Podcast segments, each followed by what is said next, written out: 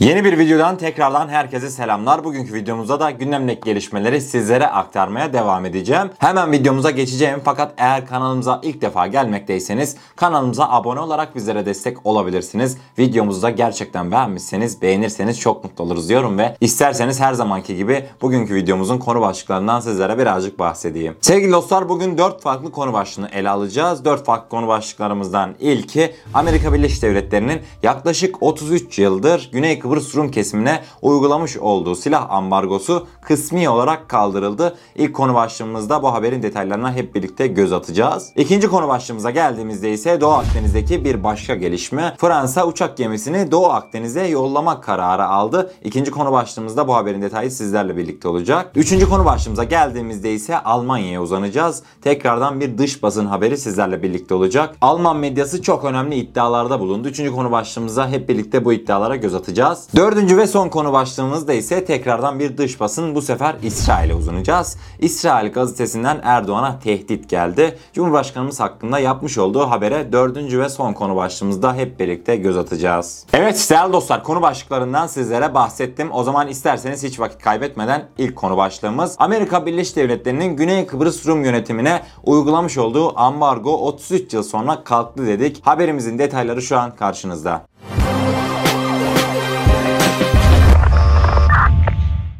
Amerika Birleşik Devletleri Güney Kıbrıs Rum yönetimine uygulanan 33 yıllık silah ambargosunu kısmi olarak kaldırdı. Amerika Birleşik Devletleri Bakanı Mike Pompeo, Güney Kıbrıs lideri Nikos Anastasiadis'i arayarak kararı bildirdi. Doğu Akdeniz'de Türkiye ve Yunanistan arasında gerilimin yaşandığı dönemde alınan karara Ankara tepki gösterdi. Dışişleri Bakanlığı tarafından yapılan yazılı açıklamada kararın müttefiklik ruhuyla bağdaşmadığı ve Türkiye'nin Kıbrıs Türk halkının güvenliğinin garanti altına alacak gerekli mukabil adımları kararlılıkla atacağı ifade edildi. Amerika Birleşik Devletleri Dışişleri Bakanlığı ambargo kararının ölümcül olmayan savunma malzemelerini kapsadığını ve sadece 2021 mali yılı için geçerli olduğunu duyurdu. Rum lider Anastasiadis ise Twitter hesabından yaptığı paylaşımda Pompeo'ya teşekkür ederek kararı Kıbrıs ve Amerika Birleşik Devletleri arasındaki ikili güvenlik ilişkisini daha da güçlendiren olumlu bir gelişme şeklinde değerlendirdi. Anastasiadis Pompeo ile yaptığı telefon görüşmesinde Doğu Akdeniz'deki durumu ele aldıklarını kaydederken Türkiye'nin saldırgan davranışı nedeniyle bölgedeki gerilimi azaltmanın önemini daha da vurguladık ifadesini kullandı. Mike Pompeo ise Twitter hesabından yaptığı açıklamada Güney Kıbrıs Rum yönetimini Akdeniz'deki kilit ortakları olarak nitelendirdi. Güney Kıbrıs Rum yönetimi ile savunma işbirliğini derinleştirdiklerinin altını çizen Pompeo,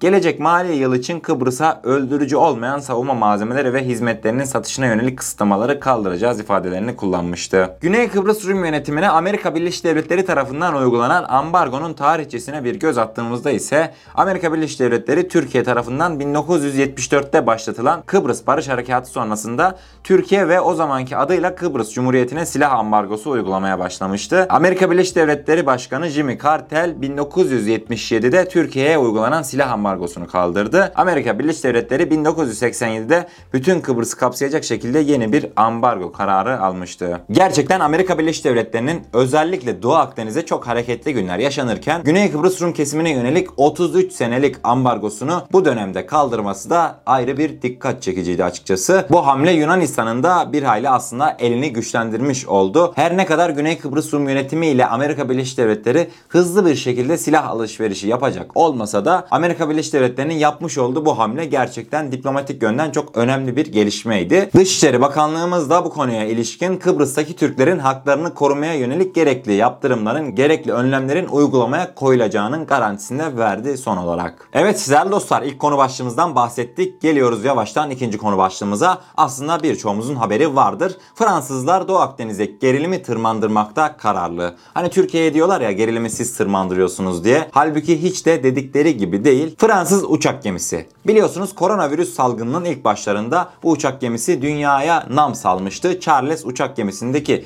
büyük koronavirüs vakalarından dolayı uçak gemisini aslında ülkemizden çoğu kişi duymuştu. İşte bu Charles Doğu Akdeniz'e geliyormuş. Haberimizin detaylarına isterseniz hep birlikte bir göz atalım. Türkiye ile Yunanistan arasında Doğu Akdeniz'de yaşanan gerilim devam ederken Fransa Cumhurbaşkanı Emmanuel Macron'un Charles isimli uçak gemisini bölgeye göndermeye karar verdiği iddia edildi. Yunan medyasından aktarılan habere göre 42.500 ton ağırlığındaki ve 261 metre uzunluğundaki Charles'e Yunan ordusuna ait çok sayıda gemi ve denizaltıda eşlik edecek. Fransız kaynakları geminin üzerinde çok sayıda silah ve mühimmat olduğunu öne sürdü. Gemide radar ve füzelerle birlikte denizaltı savarların elektronik takip, hedefleme ve müdahale etme sistemlerinin olduğu belirtildi. Fransa Savunma Bakanı geçen günlerde geminin tekrar denize açılacağını söylerken rota belirtmemişti. Koronavirüs salgınından Avrupa'da en çok etkilenen ülkelerin başında gelen Fransa'da Nisan ayında gündem Charles uçak gemisi olmuştu. Askeri gemide koronavirüs salgını patlak vermiş ve önce grip olarak başlayan hastalık birçok mürettebata bulaşmıştı. Şimdi tamam önemli bir gelişme uçak gemisini Akdeniz'e göndermeye karar vermişler gibi duruyor en azından. Her ne kadar iddia olarak söylentiler çıksa da büyük ihtimalle bu iddia sevgili dostlar gerçektir. Uçak gemisini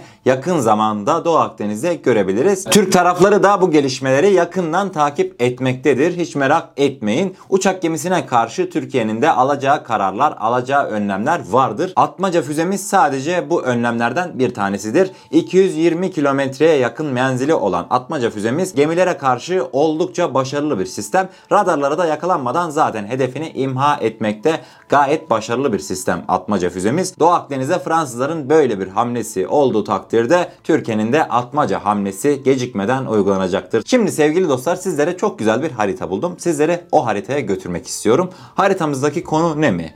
Doğu Akdeniz'deki adalar biliyorsunuz hepimizin kanayan yarası aslında. Hepimiz dert ediyoruz bu mevzuyu. Yunanistan'a devredilen adaların çok güzel bir haritasını buldum. Hangi ada kaç yılında hangi anlaşmayla devredilmiş? Bu konuya ilişkin çok güzel bir harita buldum. Ege haritası. İsterseniz karşımıza bir gelsin haritamız. Sevgili dostlar görmüş olacağınız üzere haritamızdan önce Yunanistan'a devredilen gayri askeri statüde adalar yani asker bulundurulması yasak olan adalar. Öncelikle bu kırmızılıkları açıklamak gerekirse Yunanistan tarafından gayri askeri statüsü ihlal edilen 16 ada kırmızı ile yazılmış. Görmüş olacağınız üzere burada adaların isimlerini tek tek okumayacağım videomuzun süresinin uzamaması için. Fakat haritaya daha yakından bir bakmak istiyorum.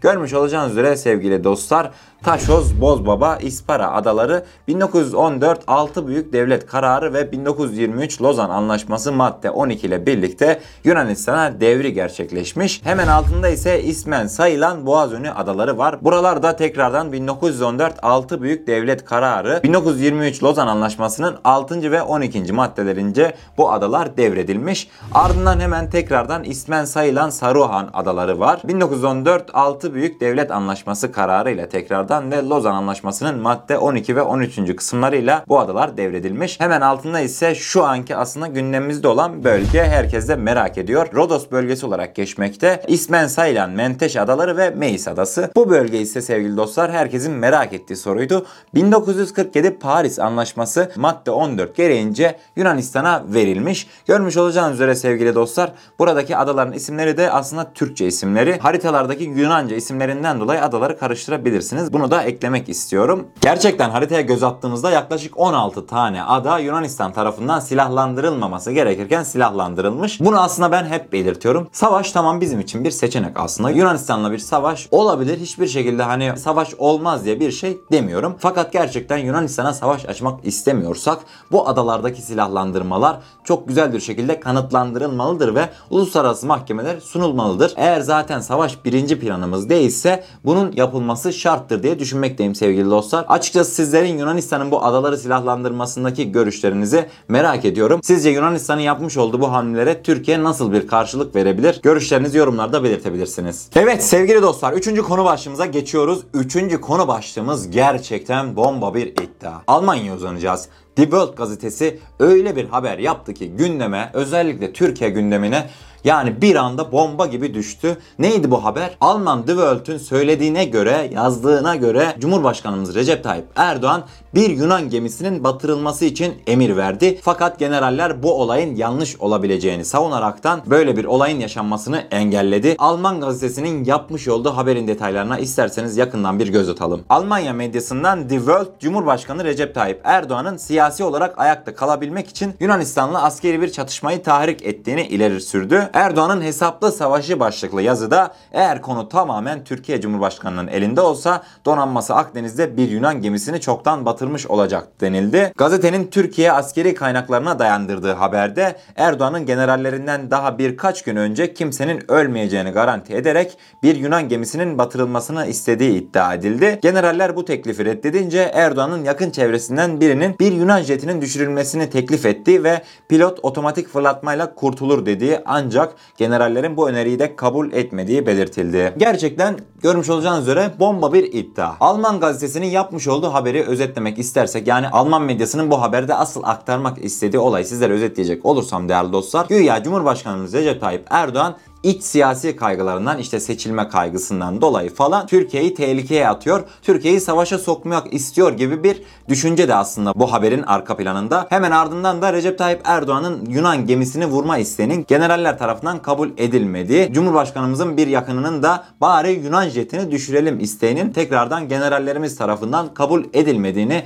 Alman Die Welt gazetesi yazmış. Alman medyasının algı çalışmalarına bir örnek olarak da aslında bu haberi verebiliriz sevgili dostlar. Bu konuya ilişkin fazla bir yorumda aslında bulunmak istemiyorum. Çünkü teyit edilememiş bir haberdi. Bundan dolayı da düşüncelerinizi yorumlarda tekrardan belirtebilirsiniz sevgili dostlar. Sizler bu konuda ne düşünüyorsunuz? Yorumlara bekliyorum. Evet değerli dostlar 3. konu başlığımızdan bahsettik ve 4. konu başlığımıza tekrardan bir dış basına uzanacağız. Bu sefer İsrail'e gidiyoruz.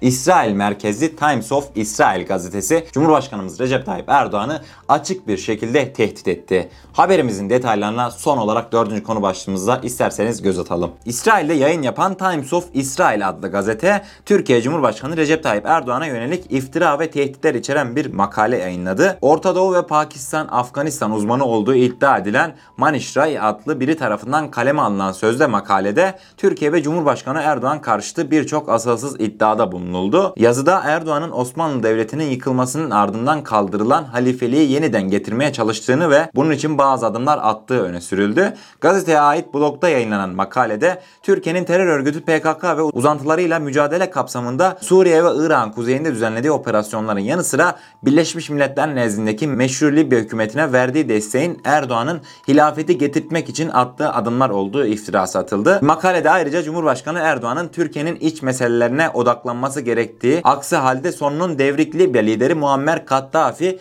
devrik Mısır Cumhurbaşkanı Hüsnü Mübarek ve Tunus'un devrik Cumhurbaşkanı Zeynel Abidin bin Ali gibi olacağı tehdidine yer verildi. Neymiş? Türkiye Cumhurbaşkanı Recep Tayyip Erdoğan dış dünyadan elini ayağına çekecekmiş. Tamamen Türkiye'deki iç meselelere odaklanaraktan yoluna devam edecekmiş. Yoksa dikkat ettiniz değil mi? Muammer Kaddafi gibi sonu olurmuş. Daha fazla düşüncelerimi belirtmek istemiyorum değerli dostlar. Yani bu konu üzerinde gerçekten konuşmaya bile gerek yok. Zaten haberin kaynağına, haberin kimler tarafından, köşe yazısının kimler tarafından yazıldığını bile söyleyecek olursam zaten hangi amaçla yazdıklarını anlayabilirsiniz diye düşünmekteyim. Değerli dostlar hemen videoyu bitireceğim. Fakat sizleri bir önemli gelişmeye daha götürmek istiyorum. Aslında birçoğumuzun da haberi vardır. Cumhurbaşkanlığı Sözcüsü İbrahim Kalın'ın atmış olduğu bir tweet'e götüreceğim. Avusturya'da yaşanan olaydan haberiniz vardır. Avusturya hükümeti Türkiye için ajanlık yaptığını öne sürdüğü bir kişiyi tutuklamıştı ve Cumhurbaşkanı Recep Tayyip Erdoğan'ın kolunun ta Avusturya'ya kadar uzandığını, istihbaratın çalıştığını belirtmişti. Avusturya'dan gelen bu açıklamanın hemen sonrasında ise Cumhurbaşkanlığı Sözcüsü İbrahim Kalın'dan çok dikkat çekici bir tweet geldi. İsterseniz hep birlikte bir göz atalım. İlk olarak sizlere metni okuyayım. Türkiye Avusturya'yı bölmek istiyor.